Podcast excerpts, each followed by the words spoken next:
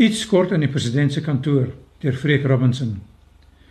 Toe Cyril Ramaphosa president geword het in Februarie 2018, het 'n bekende Britse joernalis van die BBC my gevra of ek dink Ramaphosa het die nodige karaktereienskappe en ervaring om die belangrike pos te beklee. My antwoord was 'n besliste ja. Trouwens het ek voorgeborduur, hy het nie sy gelyke in die hele wêreld nie. As student het hy reeds sy struggle credentials gekry by die Universiteit van die Noorde met politieke betogings. Hy is verskeie kere in hegtenis geneem en opgesluit, maar het sy regsgraad steeds voltooi. Met die verstapping van arbeidswetgewing in die 80er jare het hy as militante vakbondleier sy merk gemaak. Voor die vrylating van Nelson Mandela in Februarie 1990 is hy deur die ANC en UDF gevra om die reëlings daarvoor te help tref. Hy het ook Mandela aan die skare op die parade in Kaapstad voorgestel. 'n Jaar later kon die ANC die eerste keer in die openbaar 'n kieskongres hou. Ramaphosa is gemaklik verkies tot sekretaris-generaal. Met die begin van die Kodesa samesprekings is hy ook aangewys as ANC hoofonderhandelaar. In Junie 1992 het die Kodesa onderhandelinge tot stilstand geknars. Dit was oor die mensenslagting by Boipatong waarin 45 mense doodgemaak is en waarvoor die ANC en Kate verantwoordelik gehou en die NP-regering geblameer het. Die ANC het alle onderhandelinge onmiddellik opgeskort tot verdere kennisgewing. In Kodesa was daar groot kommer oor hoe die onderhandelinge weer op die spoor sou kon kom. Ek en van die kollegas by die SAIK het ons bes probeer om die twee partye in persoon Rolf Meyer en Cyril Ramaphosa minstens saam op televisie in my program te kry met die oog op die hervatting van onderhandelinge. Ek het die ateljee gesprek gelei. Hulle het uiteindelik ingestem en toe wel die volgende dag ontmoet om te bepaal hoe om onderhandelinge te hervat. Ek maak nie daarop aanspraak dat dit ek was wat daarin geslaag het om die partye te laat instem om weer te ontmoet nie maar ek het minstens 'n rol daarin gespeel. Op persoonlike vlak het ek Ramaphosa altyd vriendelik en selfs innemend gevind. Ek onthou nog 'n partytjie wat een aand in Kempton Park gehou is na die dag se Kodesa onderhandelinge. Dit was vir Ramaphosa se verjaarsdag. Sy geboortedatum is 17 November 1952, presies dieselfde as myne. Dit het my 'n soort van affiniteit vir hom gegee. Elke jaar op die dag sou ek ook aan hom dink en wonder hoe dit met hom gaan.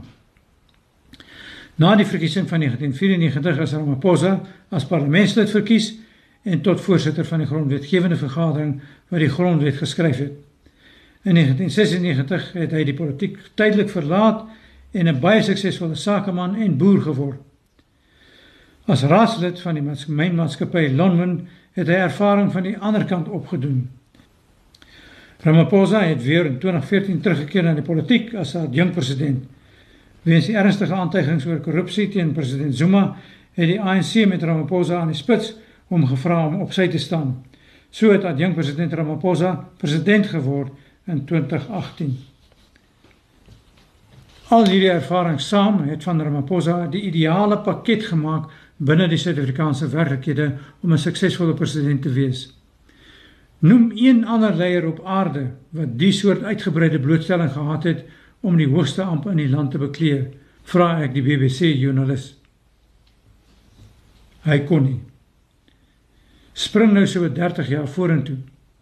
President Ramaphosa se kantoor bel my uit die bloute en deel my mee dat daar besluit is om aan my die nasionale orde van Ikamanga silwer toe te ken vir my bydrae tot journalistiek en die dokumentering van geskiedenis in beweging. Die volgende dag kry ek 'n e-pos met meer besonderhede en 'n versoek dat ek beskikbaar sal wees om die orde op 28 April persoonlik van die president te ontvang by sy gastehuis in Pretoria. Als afgespreek, als reg.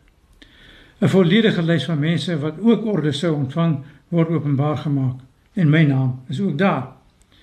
Op 23 April 2023 ontvang ek 'n e-pos van die president se kantoor met net een sin. I regret to inform you that the Advisory Council on National Orders has, upon further review, withdrawn your name from the list of orders. Heeltemal oorbluf skryf ek terug met die vraag why. Tot nou toe het ek nog geen antwoord ontvang nie. Ek hoor by 'n joernalis wat gereeld met die presidentskap skakel, die rede is dat ek in die apartheidsjare vir die SAK gewerk het.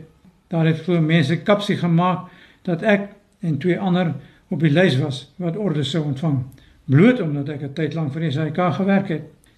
Die werk wat ek gedoen het in die aanloop tot die verkiesing in 94, soos die debat tussen Ramaphosa en Meyer, my voorsitterskap van die debat tussen Mandela en de Klerk, wat glo na 800 miljoen mense op aarde uitgesaai is, en die regstreekse town meetings in verskillende provinsies om aan elke party 'n spreekkans te gee. Dit alles tel geen punte nie. Afgesien van die ondersteunende kommentaar in die sosiale media vir my was dit deurlopende tema dat dit beter was om nie 'n orde te ontvang van 'n gediskrediteerde regering nie. Die hele kwessie is duidelik nie goed gehanteer deur die presidentsie nie. 'n Mens kan nie vir so 'n eerbewys aansoek doen nie.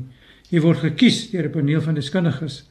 'n Mens sou dink dat hulle behoorlike navorsing sou gedoen het oor elke benoemde kandidaat vir 'n orde. Die saak kon dan afgehandel gewees het sonder enige woord in die openbaar. Almal sou die verleentheid gespaar gewees het. Maar wat was die kriterium waaraan kandidaate gemeet moes word? Wie is almal op die adviesraad? Wie het hulle aangewys? Kan die oorweging van geskikte persone in die openbaar plaasvind? Dit is duidelik dat 'n ondersoek gedoen moet word oor die hele orde stelsel. Indien die Britse joernalis my nou vra wat ek dink van Cyril Ramaphosa, sal my antwoord anders wees. Die feit dat ek nie meer die orde van Ikamanga gaan ontvang nie, pla my nie, maar die hele orde affære en ander dubbelpratery die afgelope week of wat tas die geloofwaardigheid van die president ernstig aan. En in besonder die spektakel dat die president een oomblik aangekondig het dat die ANC besluit het om Suid-Afrika te onttrek van die internasionale strafhof en dit word enkele ure later bevestig deur die sekretaris-generaal van die ANC. Maar die minister van Justisie, Ronda Lamola, moes albei daarop wys dat geen so besluit geneem is nie.